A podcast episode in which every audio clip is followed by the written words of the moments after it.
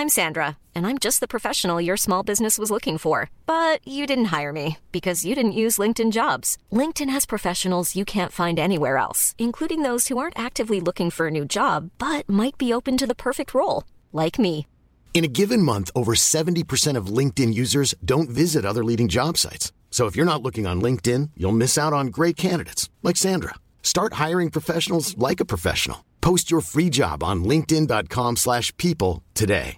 Many of us have those stubborn pounds that seem impossible to lose, no matter how good we eat or how hard we work out. My solution is PlushCare.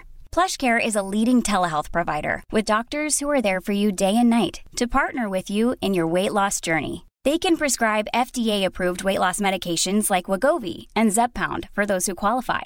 Plus, they accept most insurance plans. To get started, visit plushcare.com slash weight loss. That's plushcare.com slash weight loss.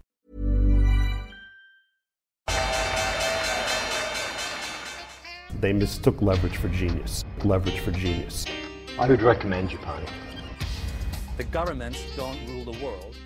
Goldman Sachs rules the world. Velkommen til episode 164 av podkasten Tid er penger, en podkast med Peter Warren. Jeg heter Sverre, produsent. Trykker på start og stopp, stiller noen spørsmål osv. Og, og i dag har vi seks spørsmål fra lyttere som har kommet inn.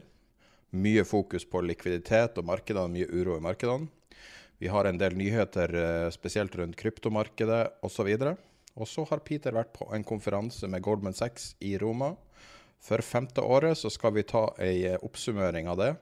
Høre hva dem som er på eh, toppen av den finansielle sfæren er opptatt av. Det er veldig interessant det Peter har å komme med.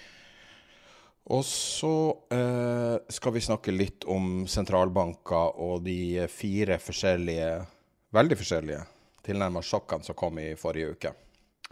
Eh, på slutten av episoden så prøver vi noe litt nytt nå. Kanskje blir en vane. Vi har gjennomført et eh, intervju på Patrion i forrige uke med Mark Dow. Veldig interessant.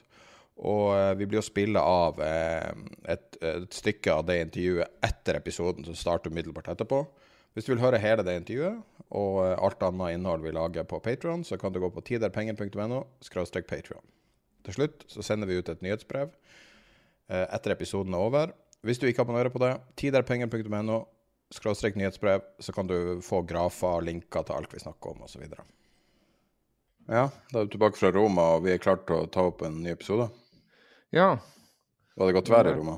Er ikke, det, så, er ikke det veldig varmt i Europa? da? Jo, det var ekstremt varmt. Det var så varmt at man orket ikke å bevege seg liksom, på, på, dagtid i det hele tatt. Det var jo nesten stille luft og mellom 32 og 34 grader i skyggen. Det var helt ekstremt.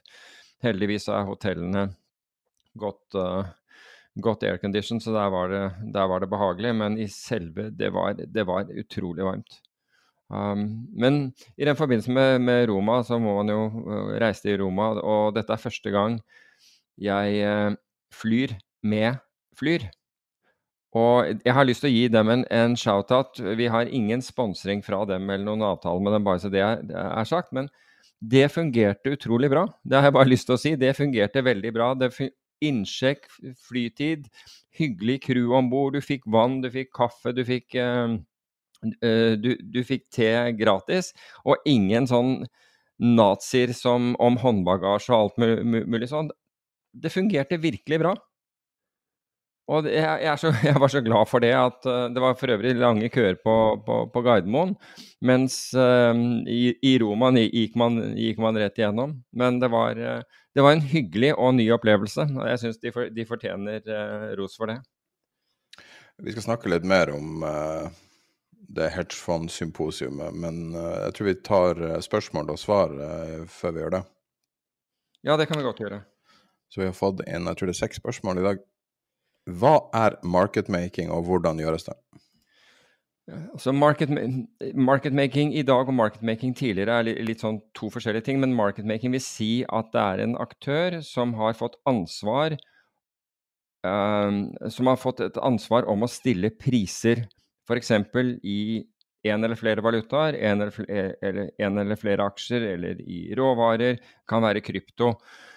I de aller fleste aksjer, valutaer osv. På, på de fleste handelssystemer så finnes det marketmakere. Og tidligere, jeg var jo marketmaker i hva var det, 12-13 år, 14 år eller noe sånt til sammen. Både i, i, aksjer og opsjoner, og senere i, i valutaopsjoner. Så var det jo opp til deg å prøve å finne en, en, si, en teoretisk verdi, en verdi altså du, hvor du trodde at markedet ville klarere, altså hvor kjøpere og selgere ville, ville møtes før, når, før, du begynte å stille priser. For, hvis, for, vi stilte jo priser blindt, vi hadde jo ikke kunder, vi så jo ikke kundeflow. Så vi, vi måtte ha en oppfatning om hvor markedet ville starte. F.eks. Norsk Hydro. Vi stilte Norsk Hydro i det øyeblikket Oslo Børs åpnet, så hadde man priser fra oss i, i, i Norsk Hydro. Uh, uten at vi visste hvilke, hvilke ordre eh, meglerhus osv. Uh, satt på. Så du måtte ha en god følelse for det. og De fleste gangene hadde du rett, og du fant fort ut hvis du tok feil, for da ville enten det bli vedvarende Ehm, påselging, altså hvor siden du er marketmaker, så stiller du både kjøper- og selgerkurs. Hvis noen da umiddelbart ringte deg og, og, og, solgte på deg, så flyttet du kursen litt, og så fortsatte å selge, så, så skjønte du fort at nå er, det noe jeg ikke vet. Men det var måten vi balanserte markedet på den gangen. Og du hadde, du hadde egentlig bare prisen å balansere dette med, så hvis du tok feil, så tok du feil. Men uh, det, var, uh, det, var, en del av, uh, av, jobben. I dag så foretas marketmaking av algoritmer. Og det er egne foretak som driver med dette. Og det er rett og slett ordre, altså ordrealgoritmer. Den, den, leser ordreboken i, i sanntid, altså med mikrosekunds hastighet, så leser den ordreboken og finner ut Og, det, det, og det, i dag er det mye mer komplisert enn tidligere, for en ordre var en ordre tidligere. Når de lå inn i boken, det var ikke så mange som dyttet inn ordre for å lure markedet, for å prøve å presse markedet opp eller ned, slik det er i dag. Så, så, så algoritmene må da korrekt lese ordreboken. Så finner den da hva, hva, man kaller en fair value. Altså det er bare en sånn dette er, dette er en midtkurs jeg kan gå ut fra. Og så stiller man kjøpekursen rett under og salgskursen rett over. Men siden alt går så fort i dag, så rekalkuleres dette her hele tiden. Så hvis ordreboken beveger seg bitte lite grann, så vil man se at disse prisene endrer seg. Så de, så de endrer seg med, med, som jeg sa i sted, mikrosekund, eh, mikrosekunds hastighet. Og det som er utfordringen i dag, er at disse kursene altså Da jeg stilte priser i Norsk Hydro, så var det minimum 10 000 aksjer øh, som jeg måtte stille for. Så jeg ville stille kjøpekurs for 10 000 aksjer, selgekurs for 10 000 aksjer minimum. Og så kunne det være at noen ville ringe deg og spørre om du kunne gjøre mer på den kursen osv. Og, og, og, og det, det, var opp til deg om du ville eller ikke, men det var ikke sjelden at vi gjorde opp i 50 000 uh, aksjer i, på, på, en enkelt kurs. I dag så er disse kursene, og det, dette har med det regulatoriske, altså det at man har endret reguleringen, trukket ut bankene, så er det mye mindre så er så er det mye mindre volum på kjøper- og selgerkurs. Og likviditeten, og vi skal komme litt tilbake til det, men likviditeten nå i markedet på, på, på hvilket som helst altså på et gitt tidspunkt er vesentlig, vesentlig, vesentlig dårligere enn f.eks. den var i 2000 i 2008, før finanskrisen eh, startet. Og det har konsekvenser, og alle klager nå over hvor liten likviditet det er. Men som sagt, og i dag, altså tidligere så ville marketmakere ha inventar. Det kunne godt være at vi satt på 100 000 eller 50 000 eller et eller annet sånn Hydro-aksjer, hvis det var det det var, over natt. Um, e- eller, eller, når det var i valuta, at vi kunne sitte på posisjoner på 5-10 millioner eh, euro eller dollar eller noe sånt over natt. I dag så, så har de ikke inventar i det hele tatt. Og det er igjen pga. regulering. Så i dag så er det mer det de kaller hot potato. Med en gang du får La oss si at, er, at noen selger på deg, altså slik at du, du, du kjøper, så ser du etter første mulighet til å få solgt det litt bedre enn det du kjøpte det for første mulighet. altså på, Gjerne på, innenfor et hundredels sekund eller, eller, mindre enn det, hvis, hvis, hvis du kan. Det leder oss litt naturlig inn i neste spørsmål. Skal vi ta det? Kom igjen. Eh, børsnoterte high frequency-tradere viser til lave volum som skyld i svake resultater. Eh, tror du på det? Ja, jeg tror at det kan være Altså, lave volum Nei, ikke i, utgangs, ikke i, utgangspunktet. Jeg tror det er to årsaker til de, de, de svake resultatene. Uh, for det første at markedet er ganske enveis i, øyeblikket. Men det i seg selv uh, betyr ikke noe. Men jeg tror det er viktigere at de har fått veldig Det er økt konkurranse. Det er flere high frequency market-makere der ute nå enn en tidligere. Altså, vi har alle disse store da, som Citadel og Jump og, og Tower og XTX og, og, og, Flow Traders og Virtue, som ma mange kjenner til. Det er bare to av disse som er, uh, som er børsnoterte. Um, men jeg tror at konkurransen har gjort at det er vanskeligere for dem og for så vidt enda tightere regulering, vanskeligere for dem å, å tjene penger. Og det som Alex Gerko, som er sjefen for, um, for Xtech, som er en av de aller største marketmakerne eh, der ute, de er, de er, blant de aller største også i valutamarkedet, som vanligvis banker regjerer 100 i, eh, sa at, at marginen Altså, eh, de stiller jo da priser i alt mulig. Alt fra valuta til aksjer til, eh, til futures, men også i krypto. Og i krypto har de 25 ganger så høy margin som de har i f.eks. valuta.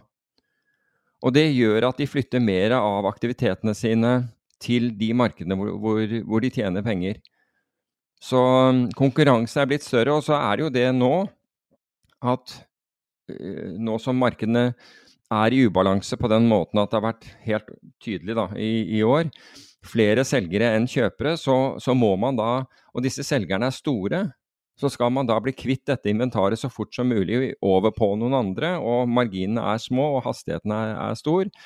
Og den minste, altså den minste hiccup du har med, med linjehastigheten din, så vil du bli påkjørt av de andre marketmakerne. Så, så jeg tenker at er de, altså jeg tror at det er delvis det at konkurransen er blitt større, men også reguleringen strammere. Nå forsøker man å ta fra dem det vi kaller friendly flow, som vi snakket om i forrige episode, hvor dette med Robin Hood ikke sant, kan selge flowen sin. Nå forsøker man å ta det også vekk fra dem, og det gjør det også mindre, altså det gjør det vanskeligere for dem å, å, å tjene penger. Apropos Citadel, vi må korrigere en ting uh, som jeg hadde fra en ekstern kilde. Vi har faktisk lyttere som jobber i Citadel. Oh, wow. Og da var det lønninga. Husker du den, den uh, faktoiden om uh, Den kvant, du... kvant research-stillingen? Ja. Ja, ja. Og han som jobba i Citadel, sa han trodde det var en fat finger i, i, den som hadde lagt inn det tallet. Fordi han mente at det, at det ikke var så høyt. Så du får ta det 17 millioner-lønna med en klype salt. Ja, det...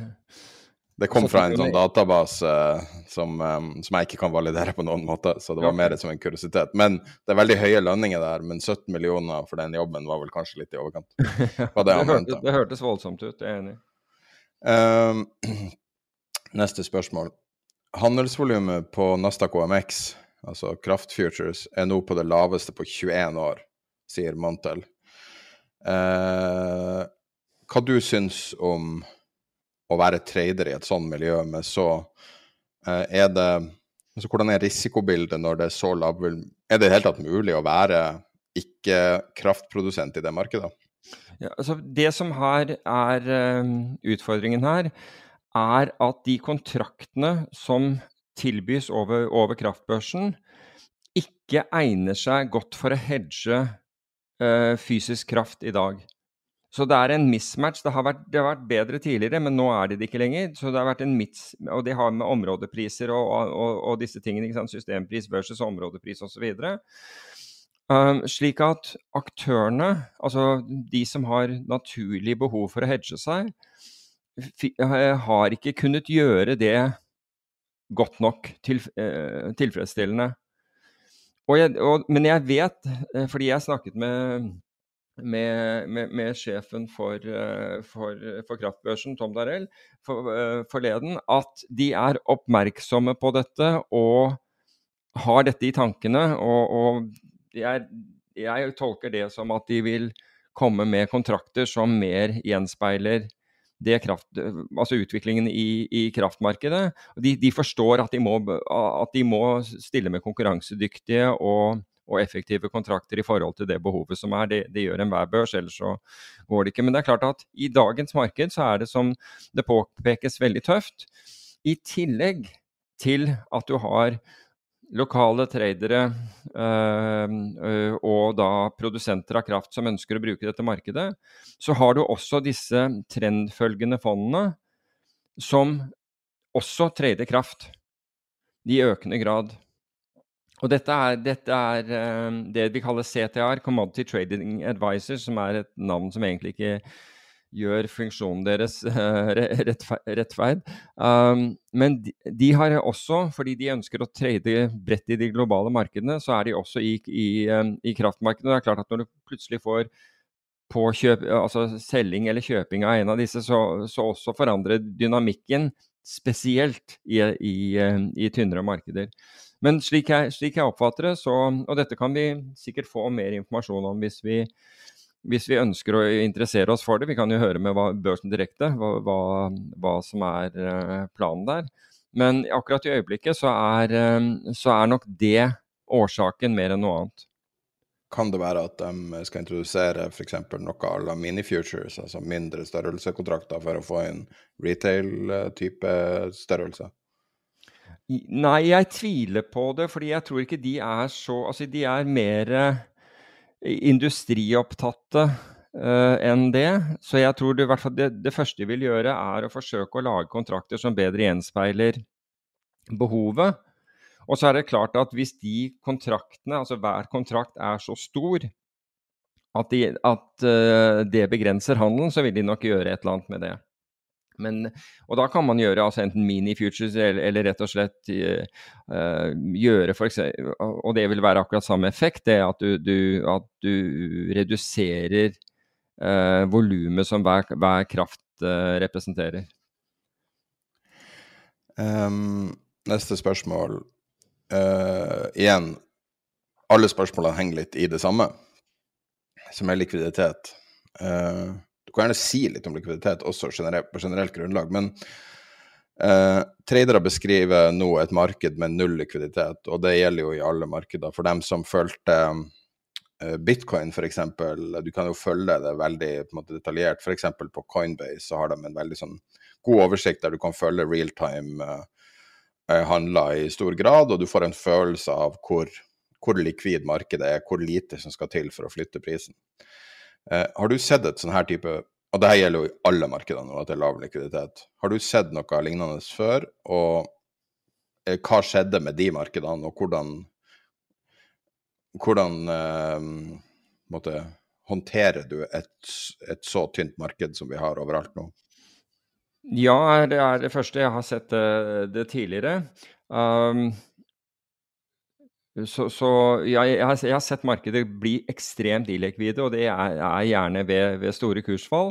Så det jeg har sett tidligere, det som er, er, forskjellen nå, er jo at banker ikke Altså banker sto for noe av den av, av uh, eller største delen av marketmaking i markeder. Og bankene hadde altså La, la meg bare beskrive én ting. Altså I 2008, før, altså, da, altså før finanskrisen dro, dro til, så de, største, de ti største investeringsbankene hadde en daglig VAR, altså value at risk, hvor mye risiko de kunne ta, til, uh, sammen på 1,8 milliarder dollar.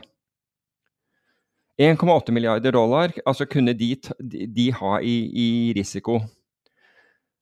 Det, I dagens marked så, altså Fra 2008 nå, og frem til nå så har markedene Eh, i volum steget mellom seks og syv ganger. Så markedene er seks til syv ganger større enn de var i, i 2008. Value at risk på de ti største bankene nå er ca. 450 millioner dollar. Så markedene har blitt seks til syv ganger større, eller unnskyld, syv til åtte ganger større, mens likviditeten i markedet er blitt hva blir det, til en fjerdedel av hva den var. Altså likviditeten i form av aktører som er nødt til å stille priser, som stiller priser. så det, det, burde Altså, dette har vi snakket om nesten så lenge vi har, som vi har hatt på podkasten, men i hvert fall snakket om det i, i, i, noen år. Om denne usynlige den usynlige faren som, som lå i markedet, for det som da ikke ville fremkomme så lenge markedene steg pent og rolig som følge av uh, at sentralbankene var, var aktive. Men det er tilfellet nå. Men nå ser vi det. Så, det. så, jeg vil jo si at dette er så ekstremt varslet krise. All, men det har vært komfortabelt å ignorere det. For alle har, som, har da, som lever av at markedet går opp hele tiden, og at, får, og at eh, flere og flere investorer gir, gir dem penger, så har dette vært komfortabelt å ignorere. Men i dag så ser vi da eh, hvilke effekter dette har. Så til det andre delen av spørsmålet. Hva gjør du i sånne markeder? Og svaret på det er at du reduserer belåningen din. Um, det, det, er det, det, er nummer én. Altså, du reduserer belåningen. Du tar ned risikoen din. Du tar ned posisjonene dine. For med lav likviditet følger høy volatilitet. Er liksom, de, de, er på de er på, på, på, hver sin side av, av dumphusken. Men du, du, får høy volatilitet når likviditeten er lav. Så når likviditeten er der nede, så er volatiliteten høy. Og det riktige å gjøre da er å redusere risiko. Kommer vi noen gang tilbake til mer normale markeder? Og da mener jeg Jeg vet ikke hva det vil si engang, men dypere markeder der du kan gjøre store trader uten å nødvendigvis flytte prisen så mye? Det, i, for å gjøre det, så må, du, så må, du, få endring i regulering. Husk på da dette skjedde i, i, 2000, i 2009, da man besluttet å enda Finanstilsynene rundt omkring i verden besluttet å endre, endre på reglene og, og, og, ta bankene ut av Og du kan si at jeg forstår, og jeg og syns på mange måter at det var riktig at, um, at bankene ikke skulle spekulere på, med, med, samfunnets midler. For det var det de gjorde. Um, og det, det, var riktig, men de fikk da beskjed, altså de regulerende myndigheter fikk den gangen beskjed om konsekvensene ved, ved å gjøre det, at nemlig at markedene ville bli veldig tynne. Og vi kunne få store utslag. Og vi vet jo hva som skjedde. ikke sant? Vi fikk flash crashes overalt. Og, og hvordan den gangen um, sveitserfrangen gikk amok og, og, alt dette. Alle disse tingene har kommet etter at et, Etter denne endrede reguleringen. Så jeg har vondt for å tro er, er, det noen som har virkelig vansker med å endre seg, så er, så er, det de regulerende myndigheter. For da må de på en måte uh, innrømme at der tok vi feil. Men det er, altså, det er ikke Det fins en skyggelikviditet her som ikke er åpenbar. Og den hørte jeg om nå uh, i Roma for flere av multistrategifondene. Og dette er store fond. Jeg for øvrig er det én ting som jeg har, har si, oppdaget ved, ved, ved, denne turen, det er hvor mye større, hvor, hvor store gjennomsnitts hedgefond er blitt. Nå er det liksom 10-12 milliarder til godt over 100 milliarder dollar i, i fondene.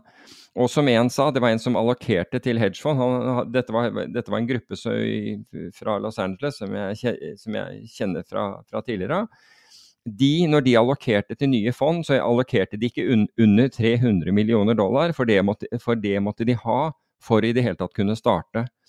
For i det hele tatt kunne få de analytikerne få, få det de trengte om bord, så, eh, så, måtte det være en viss størrelse på, på, på, fondene.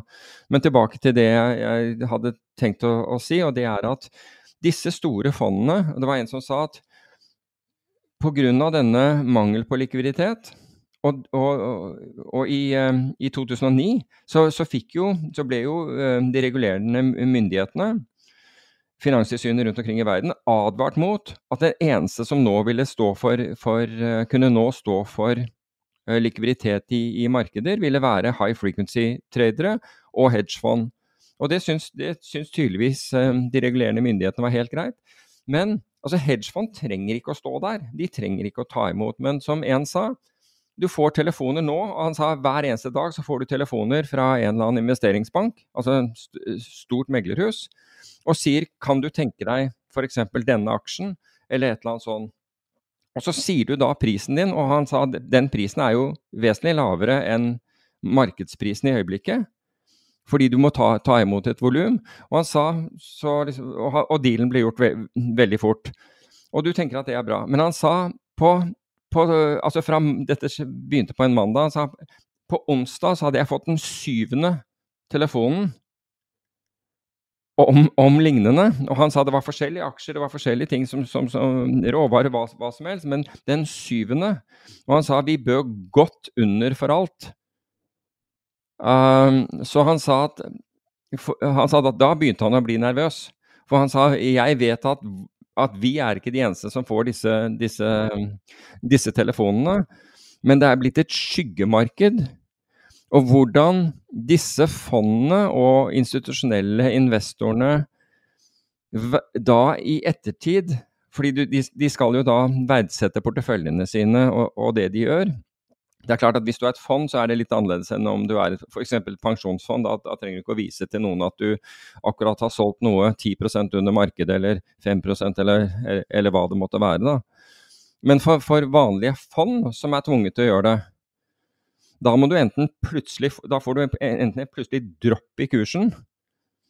Uh, eller så later de som dette ikke uh, Eller så må de liksom prøve å smoothe dette over tid. Altså jevne dette ut slik at det ikke syns. Men det er den eneste muligheten å bli kvitt noe. Det er liksom tørke der ute for, for, uh, for volum. Og dette er bra for de store hedgefondene. Det er ikke så bra, og da skal jeg komme tilbake til det med high frequency, for det, for det har faktisk en, en um, effekt på dem. De håper jo at gjennom den high frequency marketmakingen sin at de skal få mest mulig informasjon om markedet, slik at de kan stille den best mulige kursen som marketmaker. Men det er klart at det de ikke da vet, er f.eks. La oss si at de, de uh, driver marketmaking i Amazon eller en eller annen aksje. Hvis da et hedgefond akkurat gjennom en telefondeal med en investeringsbank har kjøpt Amazon bare for å ta et tall, da, jeg vet ikke om det er realistisk, men bare for å ta et tall, 10% lavere fordi de har gjort et stort volum, så vet ikke den marketmakeren om det. Men den vil snart få vite at noe er på gang, fordi plutselig så blir den påsolgt, påsolgt, påsolgt, påsolgt, uten å vite hva det, hva det er. Så det kan også være slike ting som påvirker Altså dette er markedsineffektivitet. Fordi alle handlene går ikke på børsen, vises ikke på børsen som kan også påvirke resultatene til, eh, til disse hedgefondene og markedet, eh, og markedet, for øvrig. Vi har to spørsmål igjen. Uh, vi kan ta dem ganske kjapt, tror jeg. Finanstilsynet ble kritisert av dommeren i Indigo-saken, som påpekte at mye av tapene kunne vært unngått om de hadde grepet inn tidligere. Hva du syns du om det? Jo, altså, det, jeg, jeg, må innrømme at, at, jeg har jo kjent til denne saken og fulgt den saken. Og klart å holde kjeft om den saken mens den, har, mens den gikk for retten. For jeg føler ikke at vi skal ha noe, altså, skal ha noe mening om, om, en sak som går i retten. Vi kan ha en mening før og etter, men liksom når, når, den går i retten, så føles det liksom feil å gjøre det. Men finans, altså her har Finanstilsynet avdekket klare brudd og så har man ikke gjort noe med det. Man har drøyd så lenge med å gjøre noe med det at de som var ansvarlige på det tidspunktet, og nå, nå, nå tenker jeg ikke på han som var sjef der, eller han som eide dette, dette selskapet og som døde, men nye, nye ledere for dette selskapet Altså, det, var, det ble foreldet i forhold til dem. Så man kunne ikke da gå å ta ut noe eventuell tiltale mot, mot disse. Så isteden, fordi det er foreldet mot dem, så tar man ut tiltale mot den siste lederen som var, var kommet inn for å rydde opp, og prøver å gjøre han ansvarlig for det som skjedde way back, altså mange år bak i tid. Og ikke bare det, get this, da. De lederne som da, som da sto ved roret, de fant man å bruke som vitner for påtalemyndigheten. Fordi de var immune i og med at dette hadde gått ut på tid. Det, er en helt utrolig sak. Og dette er noe som Kapital hadde skrevet om jeg vet ikke hvor mange år om dette de kalte golden oldies, og Finanstilsynet lot dette skje, lot eldre mennesker tape formuene sine og sparepengene sine på dette. Og så svarer man ja, vi, så, vi, vi, har andre ting å gjøre også, klarer man å svare fra Bellamy fra, fra markedsovervåkningsavdelingen til, til Finanstilsynet. Og hadde, en, hadde, Finanstilsynet vært en privat bedrift, så hadde i hvert fall den, den lederen måttet gå. Om ikke topplederen hadde, hadde måttet gå. Det er jo en skandale, hele greia. Det er det jeg mener om den. Og om det får noen konsekvenser Jeg gjør jo aldri det når det er staten. OK, I'm done. Hvordan sikrer man en aksjeinvestering ved bruk av opsjoner når meglerhuset jeg bruker, ikke vil gjøre jobben? Jeg bruker, og så trenger vi ikke å navngi dem. Et stort meglerhus. Um, altså, det har du vanskelig med, med, å gjøre. Og årsaken, at du har altså, årsaken til at meglerhus ikke vil gjøre opsjoner for deg, er sannsynligvis at du er klassifisert som retail, altså ikke-profesjonell investor, og de krever og Det betyr at meglerhuset er, er, er, mye mer ansvarlig for det du gjør som, uh, som investor. Og dette regelverket er laget, nå laget sånn at det er det om, altså en, Et meglerhus tar betydelig økonomisk risiko hvis de lar uh, mindre investorer, altså ikke-profesjonelle investorer, ha, unnskyld, handle med disse instrumentene. Og dette er en risiko, og de har ikke kapasitet til å følge opp hver eneste investor for, for, hva de gjør. Og det er det som er problemet her. Det er ikke det at ikke meglerhuset kan levere den, den tjenesten, men rett og slett at de Det er ikke økonomisk lønnsomt, og, det, og det, tvert imot, det er økonomisk øh, Det er, sårbart for dem. altså å levere en sånn tjeneste til ikke-profesjonelle investorer. Så altså enten må man da Det man kan gjøre, er jo å, å skaffe seg nok kunnskap til, uh, til, at man blir At man kan betraktes som, altså, betraktes som profesjonell investor, og da får man sannsynligvis hjelp av uh, meglerforetaket. Men hvis man ikke kan, så kan komme inn, under de kriteriene. Det er tre kriterier for at du skal Eh, kunne bli betraktet for det, og du, eh, som du, du må oppfylle to, to, av tre, så har du et problem, dessverre. Da har du et problem, men det du kan gjøre, det, og, det er jo det som er selvmotsigelsen i dette. Det finnes jo ETF-er som inneholder, uh, som inneholder uh, opsjoner og derivater som, du, som, kan gjøre deg short markeder osv., men som ikke er altså jeg er ikke, så, jeg er ikke glad i disse her, bare så det, så det er sagt, men, men det fins andre muligheter. Eller du kan gå til et annet meglerhus, og, og, men de, jeg vil anta at de fleste vil ønsker at man skal være at man skal klare at man skal være klassifisert Uh, som Det er mulig at jeg bruker feil betegnelse, at den betegnelsen har, har endret seg nå. Hvis så, så beklager jeg, da får vi rette opp i det. Men uh, en, en, eller annen grad av profesjonell investor for å kunne bruke disse instrumentene. Det, det, burde jo ikke være et problem hvis man kjøpte opsjoner, fordi da har du begrenset risiko. Men jeg tror at liksom, papirarbeid og alt mulig sånn altså Meglerhus tjener de største pengene sine på, å, å, på emisjoner på å legge ut emisjoner. De trener omtrent ingenting på vanlig, vanlig kurtasje, og det betyr at interessen deres for å gjøre andre ting er ganske liten, dessverre. Skal vi gå videre til neste? Jeg tenkte, Skal jeg ta bare noen nyhetspunkter? Det har skjedd en del i helga og de siste par dagene. Skal vi gå gjennom et par av de tingene før vi går over til Goldman-konferansen? Ja, kom igjen. Kan ta det litt sånn kjapt. Um, Apropos hedgefond, da, så har Goldman publisert en analyse nå som sier at long short aksjehedgefond er ned 19,02% så langt i år. Så det er jo uh, interessant i seg sjøl. Um, det var mye drama rundt uh, kryptovaluta i helga. Du, kan jeg bare få skyte inn når det gjelder den Goldman-analysen, uh, eller Goldman-oppsummeringen? Og det var at tapene skriver seg fra beta og ikke alfa. Altså med andre ord, tapene skriver seg fra at disse fondene har ligget long aksjemarkedet og ikke gjort veldig mye annet. Så, og, det går tilbake til det vi har snakket om hedgefond tidligere. Hvis du skal vurdere et hedgefond, så må du enten vurdere et hedgefond fordi altså, som da ligner på, på, på, et aksjefond fordi de gir deg bedre risikojustert avkastning. Det, en, det, kan være greit, men da vet du at du har Da, da får du på en måte aksjemarkedstype avkastning ut av det, men du skal få bedre, bedre egenskaper.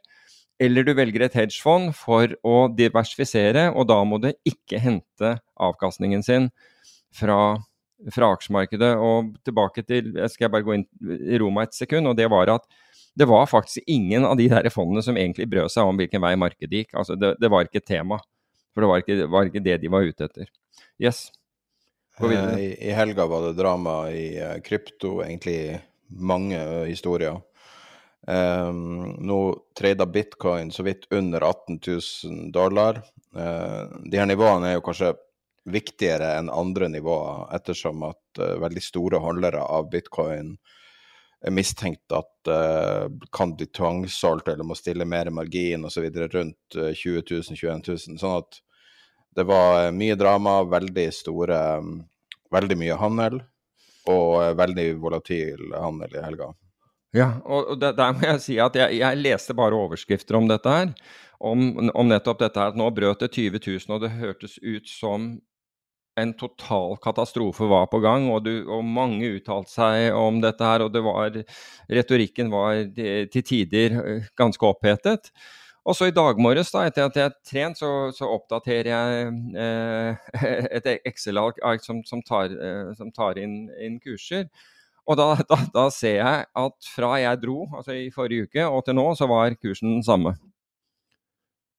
Så alt, alt, dette her, alle skrik og bråk og hele den der greia når det gjaldt bitcoin og det var Ethereum, var kursene var omtrent dønn like. Så, og det er, ganske, så det er ganske interessant å se hvor opphetet det blir med en gang det er snakk om krypt, eh, no, noe som skjer i, i, krypto. Og det minner meg om den derre Hellweek, som jeg kalte den i, eh, i, fra 2008. og hvis du det var ekstreme svingninger i løpet av den uken, men fredag til fredag så hadde, hadde ikke kursene beveget seg omtrent altså Det var 0,0 på indeksen. Det hadde beveget seg som en som hadde vært på ferie og kom tilbake igjen og ikke hadde fulgt nyheter, hadde trodd at ingenting skjedde. Mens vi som satt i markedet den, den uken, vi hadde jo ikke et, et, et, eh, klesplagg som var tørt for svette. Du kan si det, men uh, bitcoin er ned 69% fra toppen, og eter er ned 76% fra toppen. Så noe har nå forandra seg. Ja, men det er fra toppen. Det, er jo ikke denne, det var jo ikke den nei, uken som var. Det, det, er altså, det, er det, som er, er, poenget mitt. Altså Hvis du skulle ta uken som var, så altså, Hvis du skulle virkelig se på ting som skjedde i den uken som var, så var vel DWAC, altså den Trumps uh, uh, Trumps uh, SPAC var ikke den ned 40 eller noe sånt i, eh, i, eh, i forrige uke? Nei, unnskyld, 36% falt den. 36% falt uh, DWAC. Det har ikke blitt nevnt engang. Det har blitt nevnt på chatten. Uh, var det? Ok, greit. Ja, men det, det var jo, det var jo bra. Diskutert. Mer skummelt var for øvrig at uh, uran var ned, uran-ETF-en var ned 15 og um, olje-ETF-en, uh, oljeselskapet-ETF-en var ned 17% men den er fortsatt opp 32% på året, da, det skal sies. Um, stablecoin, den største stablecoin som heter Tether, ble rammet av et DDoS-angrep. Det er da basically at, at, du får kunstig mye trafikk inn. Uh, og det, i tillegg til det så ble mista den ikke mista, men uh, eh, mista litt peggen uh, mot dollar uh, i forrige uke et par ganger, men henta seg inn igjen. Uh, en annen stablecoin som er da veldig mye mindre, og veldig mye mindre seriøs, som da har det idiotiske navnet Magic Internet Money, mista peggen totalt i, um, i, en periode i helga og anses å være insolvent. Det virker å være noe som er bygd på et veldig komplekst system som ser mer ut som et korthus enn noe annet. Uh, apropos krypto, så er det drama i Solana for tida. Som var en uh, kryptovaluta som var uvanlig populær blant uh, enkelte uh, venturemiljøer, annet. De hadde en veldig stor andel når det ble lansert, som de eide. Og den, så da Solend, som er en sånn utlåningsplattform, såkalt Defi, som er bygd på Solana-blokkjeden, har et problem, fordi at den største holderen er nå bare noen få dollar unna en likvidering. Og det betyr at eh, potensielt sett den største holderen av eh, på blokkjeden vil bli solgt ut, som da potensielt vil krasje, vil krasje prisen. Løsninga de prøver altså utviklerne han prøver å få tak i den personen, altså bokstavelig talt sende meldinger offentlig på Twitter og håpe at den, den ukjente personen ser det. Og uh, løsninga deres nå, og det de har foreslått, er at de skal stjele. Jeg vet, visste ikke at det var mulig, men uh, for å unngå at uh, det her skal likvideres. Så ganske mye drama i uh, Solana og Solend. Mm. Skal vi se, det var litt flere ting. det er Kinesere spionerer på Vesten via TikTok. Kanskje ikke så overraskende. Uh, en Fed-medlem foreslår 75, ytterligere 75 basispunkter uh, heving, som uh, hever litt øyenbryn. Ja, altså Ikke bare hever øyenbryn, men i en tid hvor det er såpass mye volatilitet og såpass lite likviditet, så syns jeg det er Altså, å komme med, med, med denne uttalelsen føler jeg er Og dette er jo ett medlem. Er hakket uansvarlig, rett og slett. For her er store verdier på spill generelt i markedene. Og det er, ikke, altså, det er helt greit at Fed signaliserer på en eller annen måte, men, men å liksom plutselig slenge ut det der eh, som en kommentar, syns jeg er rett og slett uansvarlig. fordi når du snakker med forvaltere, altså aksjeforvaltere, rene aksjeforvaltere, så er de, de er fortvilet over over den høye volatiliteten, mangel på likviditet, og dette gjør ikke noe bedre. Altså det er ekstremt, det er noe av den laveste eh, likviditeten vi har sett i aksjemarkedet, og det samme er det faktisk i statsobligasjonsmarkedet i USA, altså rentemarkedet i USA. Og Det var det flere som påpekte ved grafer i, eh, i, i Roma. Um, en eh, litt, uh, anner, eller, um, litt, annerledes nyhet. Uh, litt med en tilfeldighet, for jeg, jeg lurte på um, den største finanspodkasten i verden, så vidt jeg vet, som heter All In. Uh, så jeg ikke hadde blitt publisert på en stund. Og så i en litt sånn kryptisk melding, han ene som står bak det, ser det ut som de har lagt ned podkasten. Og det er ganske signifikant at det kommer midt i en nedtur. Uh, fordi at uh, Det er ikke noe jeg har hørt det regelmessig på, men var innom av og til bare for å se hva de her ultrabullene syns om ting. Og det hørtes ut på uh, tonen, og når du vet hva de sitter med, at de har tapt mye penger, og nå vil de ikke lage en uh, litt sånn hu humorfokusert finanspodkast. Så interessant. Nei, altså hvis, hvis, du har en podkast som heter All In, bestående av ultrabulls, så skjønner jeg at når markedet er ned mellom 20 30 og enkelte aksjer er ned 90% i år, så, så, så, tenker du at kanskje at, at den tittelen, den, den, den, svinger ikke lenger. Her har vi gjort noe feil. Eh, I den podkasten så er det Shamat Palapiatia Jeg vet ikke om jeg uttaler det riktig. Shamat er det man kaller han. Mm. Eh, han er en av de første ansatte i Facebook. En kronisk usympatisk person som tar helt vanvittige standpunkt i media til tider. Som da mm. nylig fikk mye omtale når han sa 'I don't care about the Uyghur Muslims', f.eks. Uh, han er jo mannen som brakte, eller i hvert fall markedsførte, spekk-fenomenet mest. Han ble veldig kritisert. Så har du David Sachs, som er, driver et fond som heter Craft Ventures var kjent for å børsnotere bl.a. Bird, som har falt nesten 100% siden noteringa, og en rekke andre ting. og Ut ifra hans uttalelser så tror jeg han har tapt fryktelig mye og ikke er så veldig rik lenger. Så har du en veldig eh, ordentlig fyr som heter David Friedberg, som anbefaler folk å følge i en eller annen form på Twitter eller noe sånt. Han er en eh, investor i uh, eh, som farma-relaterte ting. Mye vitenskap. Veldig, veldig skarp fyr. Så har du Jason Calicanny, som er han som står bak det, som er en mediefyr som har gjort mer eller mindre ei investering i livet, som var Uber. Og eh, som faktisk jeg hadde bitte litt med å gjøre. og hva sier han, en relativt usympatisk person. så det er litt av ei samling av folk som, um, som sto bak den her, men det at de legger ned podkasten midt i et bear market, syns jeg er et datapunkt som er verdt å ta med seg. Mm. Antall Rolexer til salgs på finn.no er ned, nei, opp 27% siden april. Og prisen ned tilsvarende, eller? Eller mer? Det er ikke godt å vite, da. Det er delt av den uh, Twitter-brukeren som heter IkkeTab. Jeg syns det var et ganske bra Twitter-navn. Ja. uh... kanskje, kanskje det blir vanlige folks tur der, da, til å kjøpe en sånn klokke.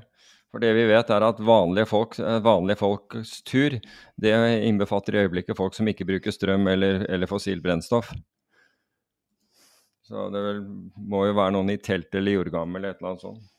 Men de, de skulle angivelig få det bedre i år. Akkurat nå er det 19 Lamborghinier til salgs på Finn. Ja, jeg ser ikke helt for meg at vanlige folk, folk, står i kø for den, men det er greit. Eller de. Jeg husker i gamle dager så var det én Lamborghini en eller annen prøvde å selge til hver tid på Finn. Men tuller du? Er det virkelig 19 Lamborghini til salgs på Finn? Ja. Det, det må være et tegn. jeg ser være. hele tida sånne biler. Jeg syns jeg kjører bak sånne Bentley Montaiga eh, konstant. Mm. Du, liksom... følger, du, følger, sikkert den samme personen rundt omkring i bilen? Nei, jeg tror ikke det. De har jo ofte sånne personlige Det er 43 Bentleyer til salgs. Oi. Ok. Eh, fire sånne ja. av den jeg nevnte nå. Ben Taiga. Ben Taiga, eh, er, det, det, er, er det den SUV-en? Ja. Det er jo den, vel den dyreste bilen du kan kjøpe, tror jeg. Du kan selvfølgelig kjøpe en eh, Lamborghini Ursus også til nesten fire millioner. Det er den Lamborghini SUV-en. Det er 70 Ferrarier til salgs akkurat nå.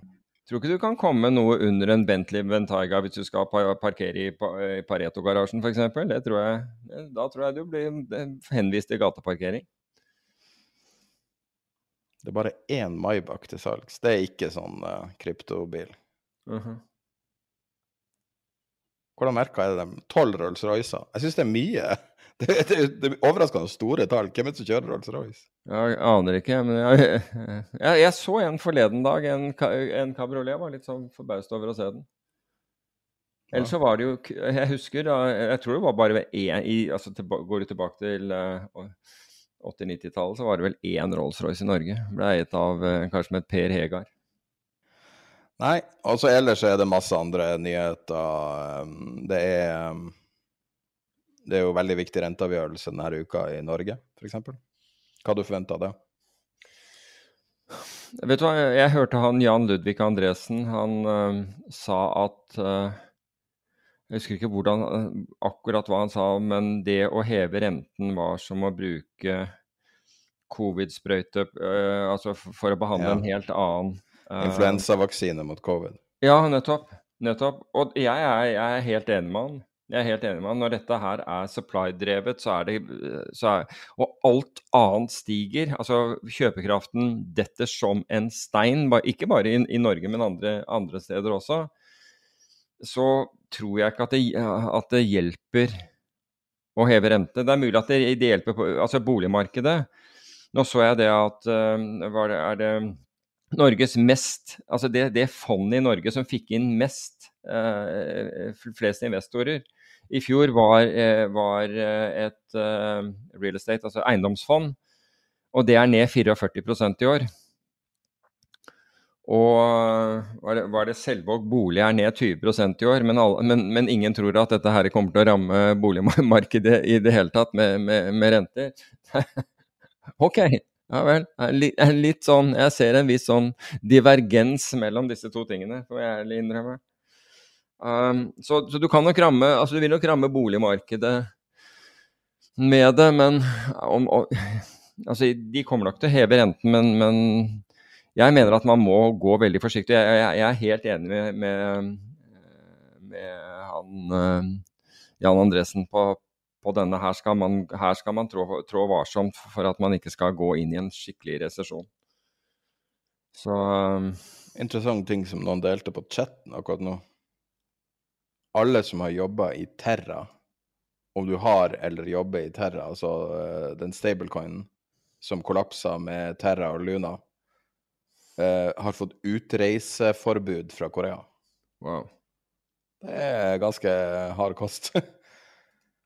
ja, de drar til der. Men apropos når du er inne på sentralbanker, så var det faktisk noe viktig som skjedde. I, for, i forrige uke skjedde det mye viktig. altså Fed var jo det ene. men men den ECB som da eh, kaller inn til hastemøte pga. spredden mellom italienske renter og, og, tyske renter, som vi da hadde snakket om i forrige, faktisk i forrige, forrige podkast, det er den første det, altså, Du nevnte Bank of Japan, og, og de intervenerer. antageligvis den beste uh, det, det, er faktisk en, en opsjon uh, i, i, seg selv, en ganske interessant opsjon. Jeg skal ta den etterpå. Men, men da ECB måtte innkalle til hastemøte, og spredden, det gjorde at spredden mellom italienske og tyske renter har halvert seg uh, på kort tid.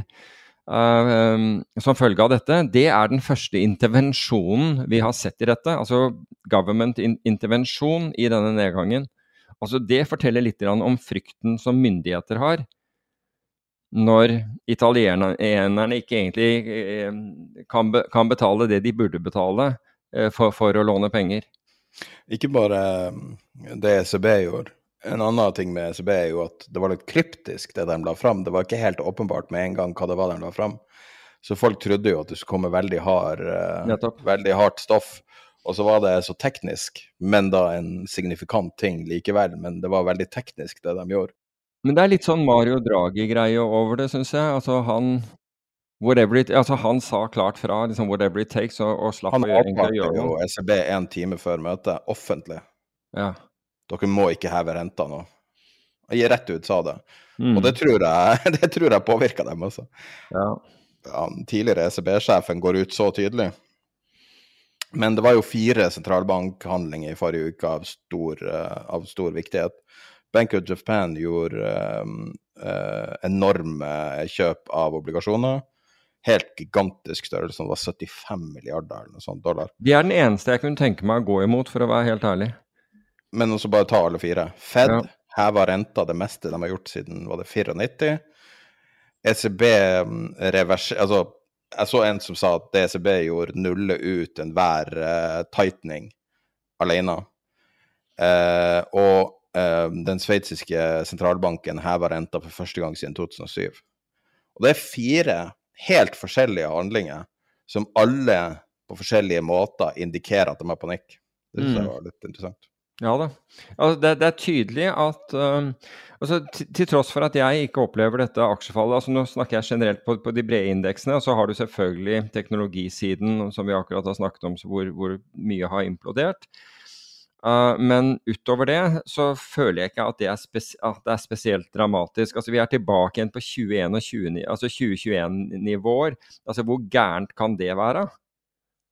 Alt i alt, eller altså begynnelsen av, av 2021, og, og, og, kanskje litt mer, det, det, det, er ikke så gærent. Men det er tydelig at det som er gærent, er at økonomien er så belånt, og folk er så belånt i sine investeringer, at dette her slår kraftig ut.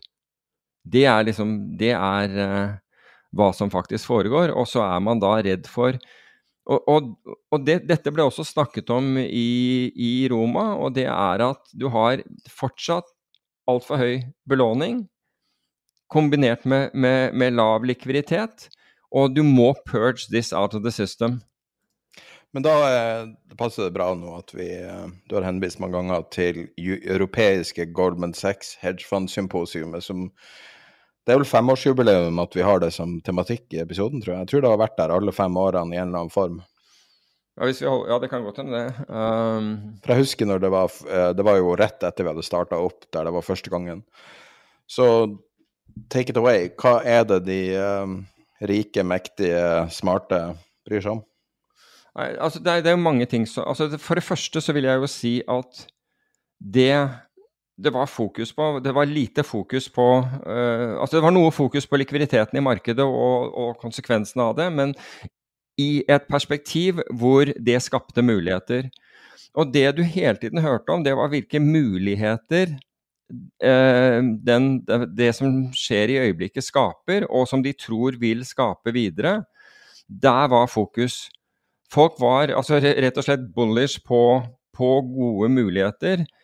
Og de, og de sa også altså passiv investeringer eh, eh, nå er, er, ikke tingen. Det har fungert. Det har fått lov å fungere i, i, eh, i uh, Siden finanskrisen har man liksom bare kunnet sitte med obligasjoner og aksjer, og så har, har, alt gått bra. Det har jo det.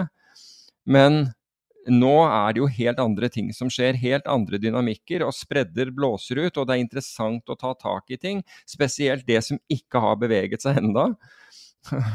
F.eks. norsk high yield-marked inntil forrige uke. Uh, å ta tak i disse tingene. Uh, og altså gå short det som ikke har beveget seg, og kjøpe en del av det som har beveget seg. For nå altså Det var, var en som sa jeg, altså hvis jeg bare låser inn nå, så har jeg 15 annualisert avkastning i fem år. Så, så de, det var hele tiden dette å se, se muligheter. Men det var, var, et par interessante ting. Det var for øvrig uh, flere nordmenn der.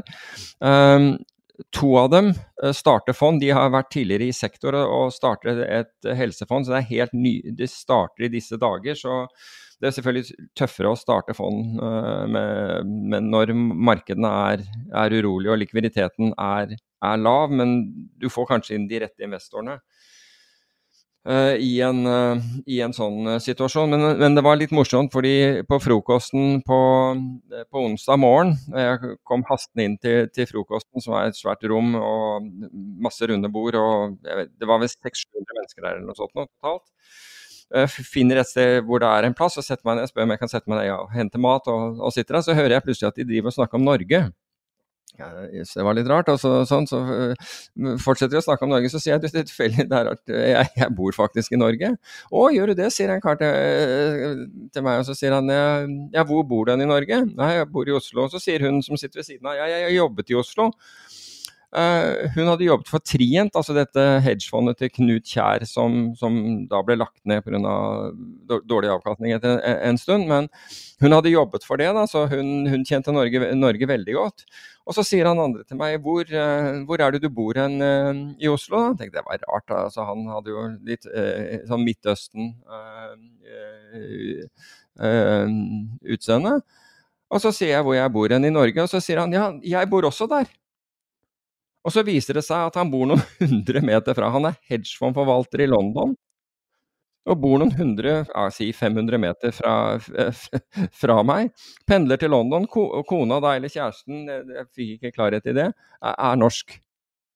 Snakk om å være liksom et fond på 500-600 millioner, eh, millioner dollar. Det var snakk om liten verden. Så, det er vel ikke så sjokk at noen på Bygdøy eh, Nei, det kan jo være med liksom det at du, er, at du, bor i London og det, og driver et fond i London.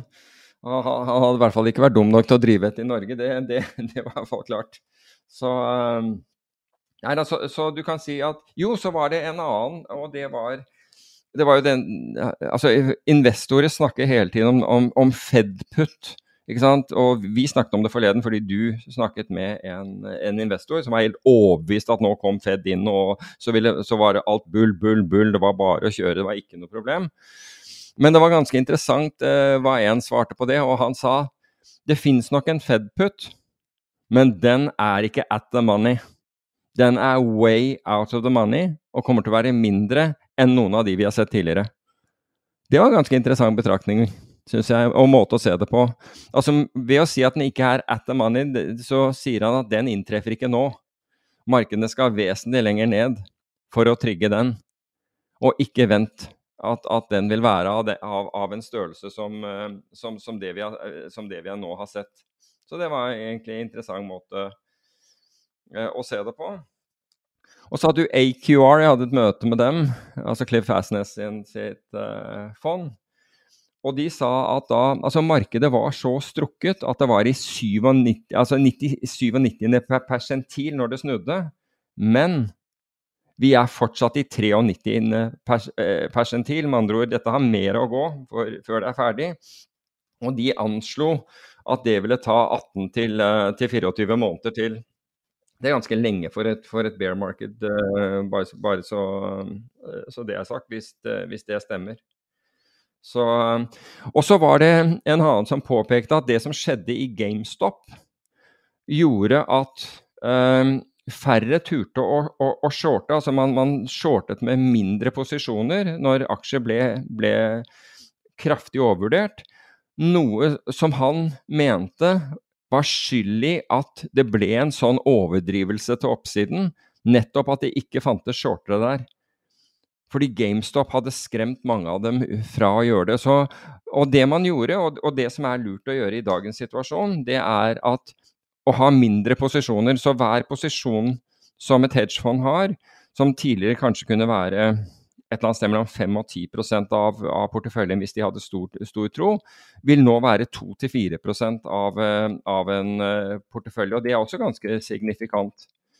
For Jeg har inntrykk av at de fleste har, i hvert fall her hjemme også, at det har mye større enkeltposisjoner som, en, som andel av sine, av, av sine porteføljer. En som var utrolig interessant å høre på, og som ikke er hedgefondforvalter, var Gideon Rackman fra Financial Times, som hadde keynote speech på jeg tror det var onsdag morgen eller om det var torsdag morgen, jeg er ikke, jeg er ikke sikker. Ja, spiller ingen rolle. Men det var interessant. Og han da snakket om geopolitikk, og blant selvfølgelig da om Ukraina. Og hans take på det var at det ene var at han mener at, at, Putin sammenligner seg med Peter den store, sånn i, i, i tankegang. Men i, han, han, var overbevist at ingen var mer um, overrasket enn Putin da de russiske troppene rullet inn i, i Ukraina ved at de ikke ble mottatt som helter. For det trodde Altså, det var narrativet som han hadde blitt omgitt med. Så de var helt overbevist at det ville ta dem tre dager å rulle inn og erstatte øh, regjeringen i, i Kiev, og, og, på en måte kontrollere landet. Isteden, hva, er hva er vi på nå? Tre, tre måneder? Ja, det, det, må jo begynne å, å, å, nærme seg det. Men Og at dette her var, ville være en økonomisk katastrofe for Russland som ville sette dem tilbake til 90-tallet. For konsekvensene er så store. Og han sa at på, i løpet av den tiden som har vært, om la oss si det er tre måneder, så har Russland mistet flere soldater enn de gjorde på ti år i Afghanistan. Det er verdt å tenke på. Så um, problemene tårner seg opp, og det er, det er jo ikke mulig for ham å si at jeg tok feil, og nå, nå drar vi hjem, gutter. Så, en, så, denne balansegangen, hvor er det dette går hen, er ekstremt, uh, er ekstremt, vanskelig. Men vi ser jo hvor mye det påvirker oss. Altså, det er jo en stor del av det som foregår i finansmarkedene uh, i dag, altså nemlig uh, konsekvensene av dramatisk økning i råvarepriser osv. En annen ting vi hadde i, forrige uke for, for øvrig, som, som, var materielt, var jo at man eh, reduserte gassen gjennom Nord Stream 1. Altså russerne gjorde det. Påstås at det var noe vedlikehold eller et eller annet sånn teknisk som gjorde det. Men med den konsekvensen at gassprisene gikk gjennom taket igjen. Og nå vil jo Tyskland bygge ut kullkraftverk. Så når vi snakker om ESG, så er det jo ganske interessant det, det, som skjer. Apropos det, i Italia ser du knapt en elbil. Det er omtrent ingen elbiler. Det går, det går i fossilt så det spruter. Jeg tenker i Norge, hvor, som, hvor man har lykkes med dette her, og nå skal straffe alle som da kunne tenke seg å kjøpe seg en elbil til over 500 000 kroner. Altså de som, det er, der, det er, det jeg lurer med hvordan de tenker, denne, denne, denne regjeringen. Altså de superrike bryr seg døyten om er jeg helt sikker på, om, om du ilegger moms. Men det er de som har spart for, for å kjøpe seg en, en, en, ordentlig bil, og som er nær ved å, liksom, å, lykkes, og så får du da beskjed om at myndighetene setter opp nå skal ha moms hvis, hvis bilen koster over, over 500 000, eller på det som koster over. Det er, altså, det, jeg skjønner ikke. Det var en jeg snakket med i dag, han sa hvorfor erstatter de ikke Hvorfor erstatter ikke denne regjeringen løvene for, foran, foran uh, Stortinget med de der tre apene? Den ene holder seg for munnen, den andre for ørene og den tredje for øynene. Det, er, det var godt sagt for øvrig, det var, og det var ikke jeg som kom på den. altså. Ellers så var jo tema, og det syns jeg er et godt Altså fra, fra en rekke Bottoms up is being crushed by top down. Og bottoms up, det er, disse, altså det er jo det rene fundamentale ikke sant, av de som kjøper selskapet på basis av, um, av, av selskapets økonomi og utsikter og balanse og, og, og, den biten der. Og de, altså I øyeblikket så blir du destroyed, altså du blir crushed av makrobildet. Altså at makrofaktorer Og det er jo første gang vi har, har blitt det, og det er QE som har stoppet, uh, stoppet opp, altså nemlig sentralbanker. Og da kommer på en måte realitetene frem. Og det er det, som, det, er, det er det som, skjer i øyeblikket. altså Alle disse bottoms up-fondene og forvalterne are being crushed by top, top, down. Rett og slett helt andre faktorer. De kan godt ha rett på selskapsvalg og alt mulig sånn, men makrofaktorene i øyeblikket er så store. F.eks. Uh, ja, inflasjon da, med, med det, som, det som driver den, er så, er så store at andre at de mindre faktorene, altså selskapsmessige faktorer, kommer uh, i bakgrunnen. Og vi ser jo også hvordan etterspørsel uh, har begynt å falle, men samtidig så må jeg jo si at at én ting som ikke er blitt justert, det er jo, det er jo og, og, som det påpekes ikke er blitt justert ennå, det er inntjeningsestimatene.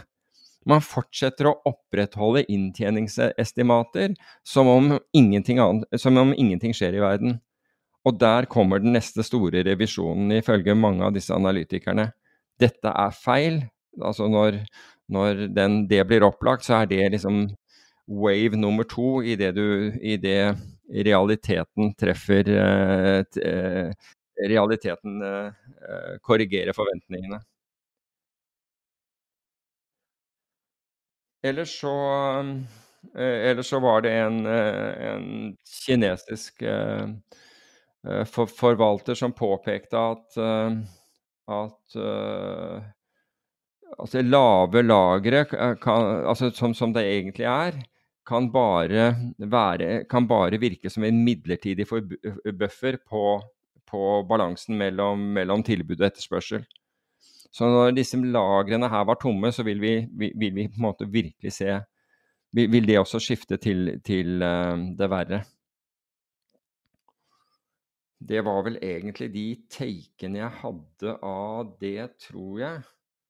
Ja, jeg tror det var det jeg hadde fra uh, fra Roma. nevnte Skal vi runde av? Du sa du hadde en uh, Du hadde en kommentar til de sentralbanktiltakene. Vi kunne kanskje runde av med det? Ja, jeg husker ikke helt hva det Det var trade mot Å ja, altså det mot Bank of Japan. Altså, du kan si at Bank of Japan er vel en av de få som jeg ville som jeg ville, ville trade mot, fordi risk reward, i og med at renten er så lav altså Vi husker når vi, vi kunne shorte tyske statsobligasjoner til negativ rente, altså rett og slett bli betalt for å sitte short. Så her tror jeg, altså På et eller annet tidspunkt så må Bank of Japan gi opp her også. Så med, med det som skjer i verden. Så det er vel en av de, de tradene som, som har lav risk reward. Da. Men du går mot Bank of Japan, som er en, som er en betydelig aktør for all, eh, for all, del. Men jeg kan bare ikke forstå at altså de, de, de kjemper mot, en, eh, mot, mot et, et, voldsomt, eh, et, et voldsomt fossefall. Ellers, ellers for, for, øvrig så var det interessant. Jeg var innom taxfree på Gardermoen da jeg landet. Og da fikk jeg hjelp av en av de som jobber der. Han var ikke norsk, men han hører på Tid er penger. Ikke dårlig.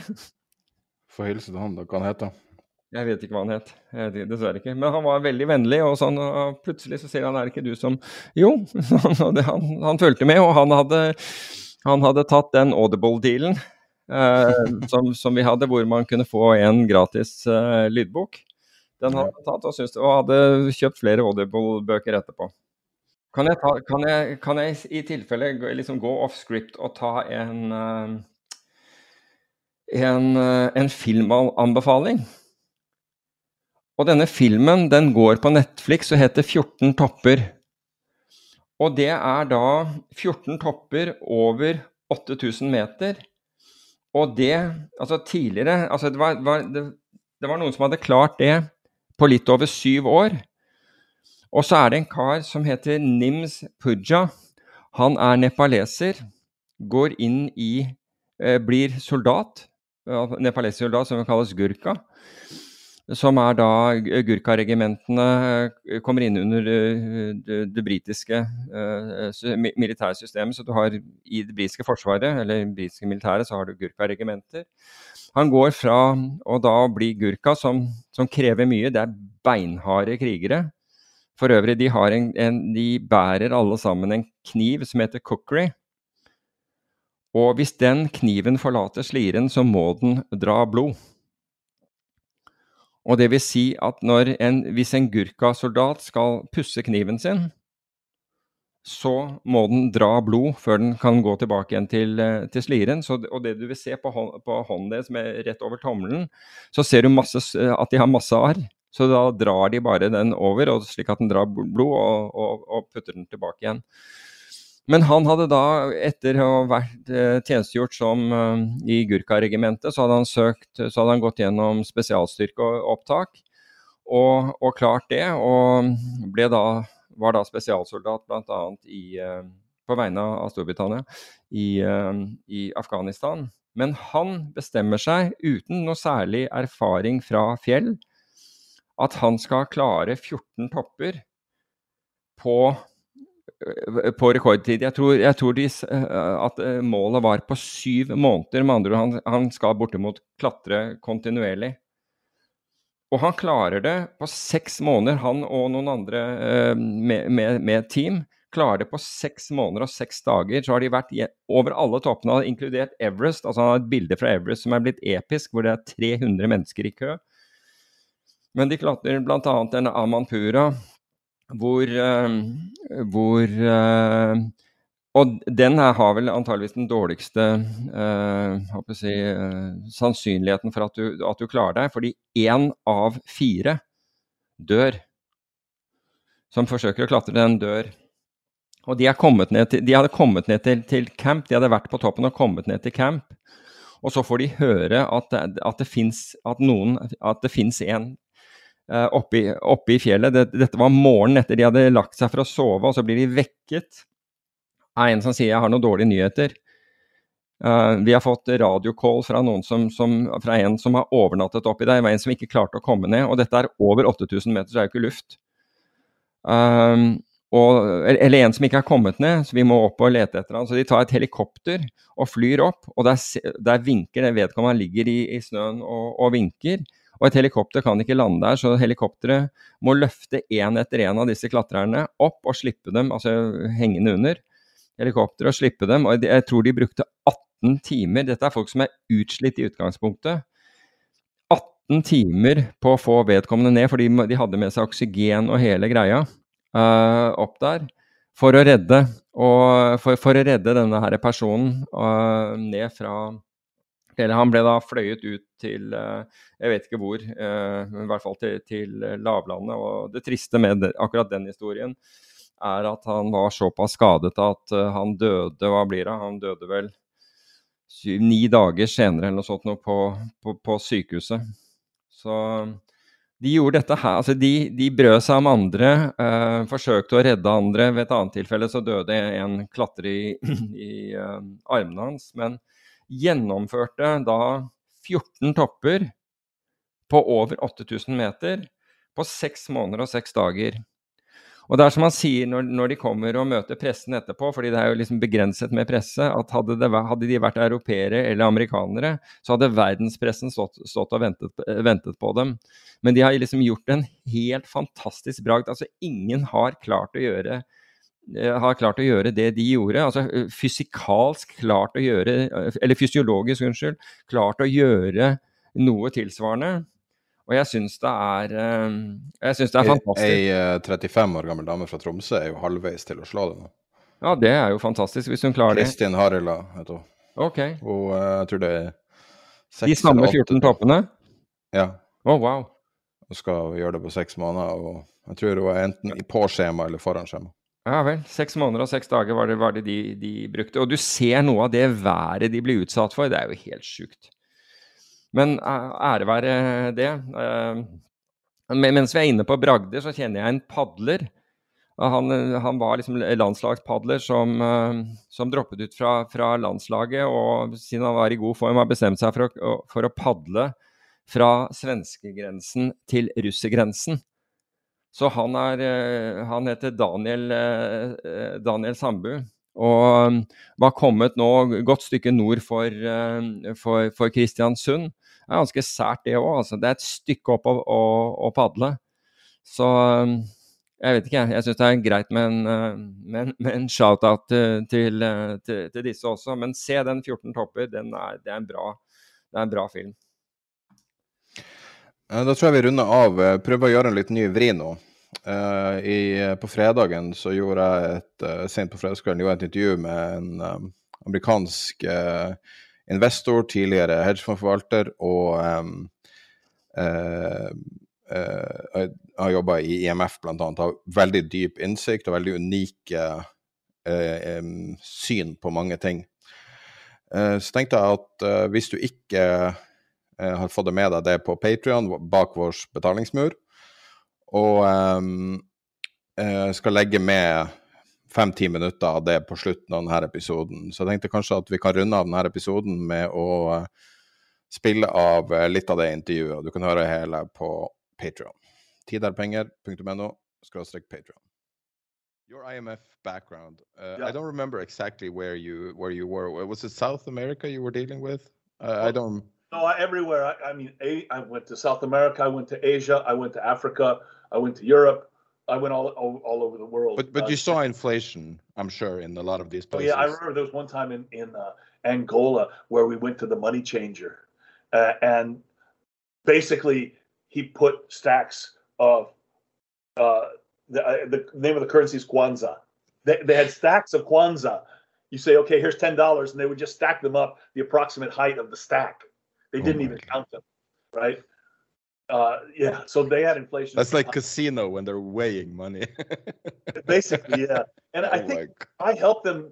I I, I uh, helped them build the tech, the uh, the methodology for calculating inflation there, and I think it ended up being you know 210 percent or something like that. But that, then it's perfect to ask you because something I've kind of been annoyed by in this whole inflation debate, and you, I'm listening to the press conference uh, yesterday, and uh, or or uh, on Wednesday, and uh, I it's it's like this frustration because everything's like no no that's not caused by us this is caused by someone else. And my point of view is it doesn't really matter where inflation comes from. Inflation is inflation. It's it's not in a vacuum.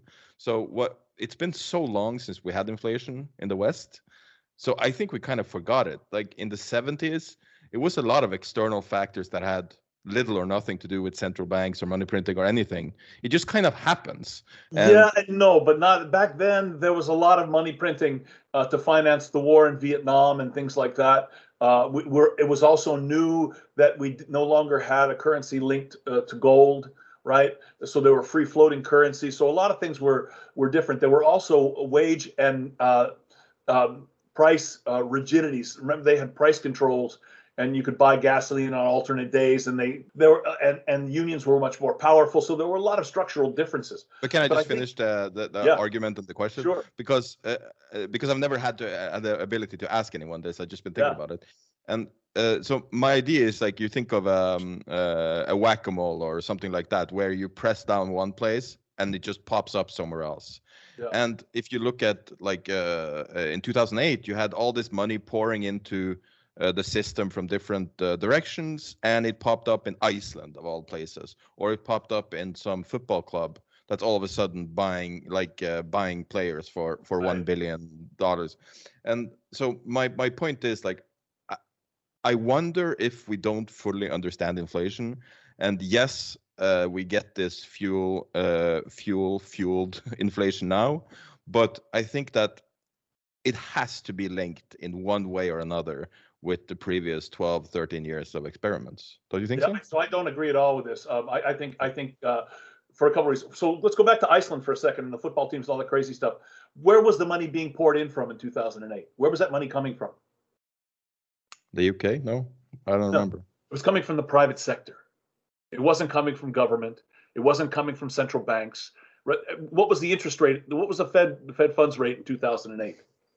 uh, was it six or four percent or Yeah, something Fi- Exactly, five percent, five and a quarter, something like that. So uh, what I'm saying is, money is created by the private sector. The bulk of the money supply comes from the private sector. You know, so if I lend you money against my services, let's say I sell you consulting services, right? And you give me a piece of paper for a thousand dollars saying I owe you a thousand dollars, right?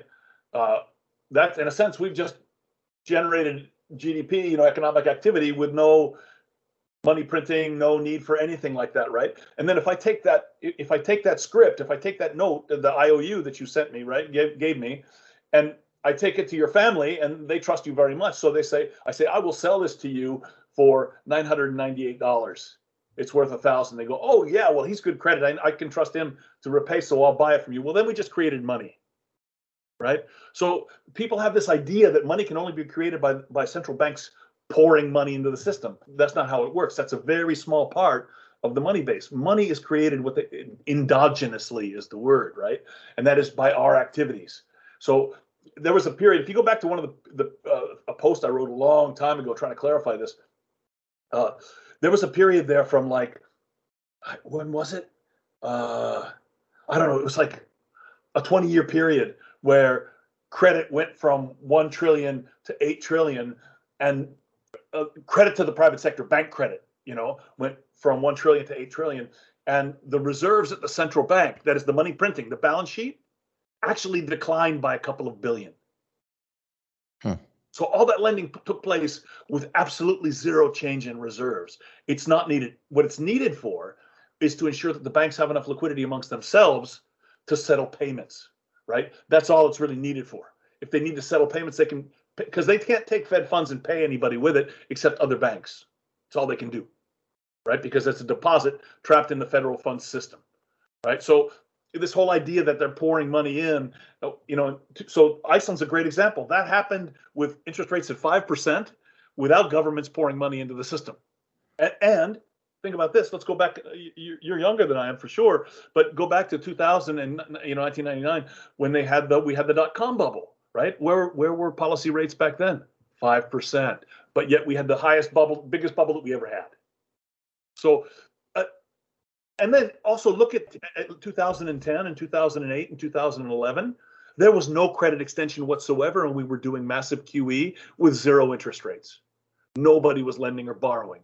So what i'm trying to say i'm not trying to say rates don't matter. I'm saying there are other factors that matter more. There are many periods that we can show where the rates were really low and no one wanted to borrow or lend. And besides who wants to lend at a lower rate anyway right?